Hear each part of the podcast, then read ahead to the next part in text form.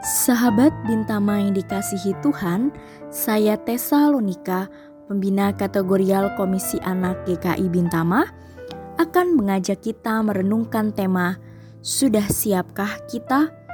yang diambil dari Matius 24 ayat 31.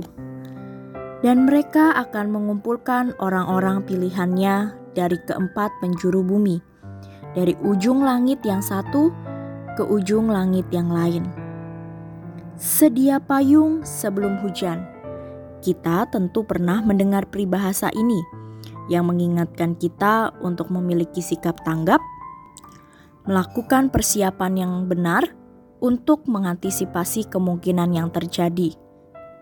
Keseluruhan perikop ini merupakan gambaran mengenai kedatangan Anak Manusia kembali. Terkait dengan waktunya kapan, tentu saja hanya Bapa di sorga yang mengetahuinya. Parikop ini diawali dengan gambaran kekacauan alam yang terjadi.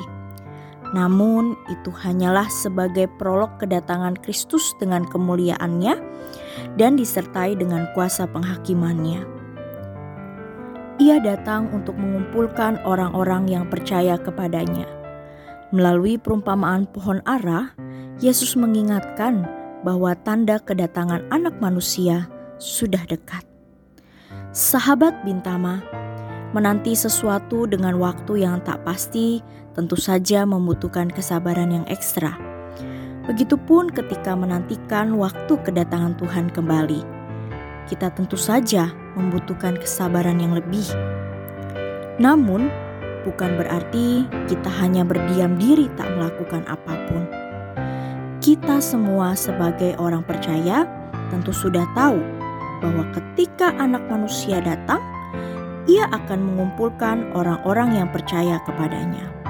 Artinya, bukan sekedar percaya dalam perkataan saja, melainkan juga cerminan tingkah laku terhadap sesama. Sudah siapkah kita menyambut Anak Manusia itu datang kembali? Sudah siapkah kita menjadi orang-orang pilihannya? Berlakulah adil, tidak membenci bersahaja dengan alam, mencintai perbedaan.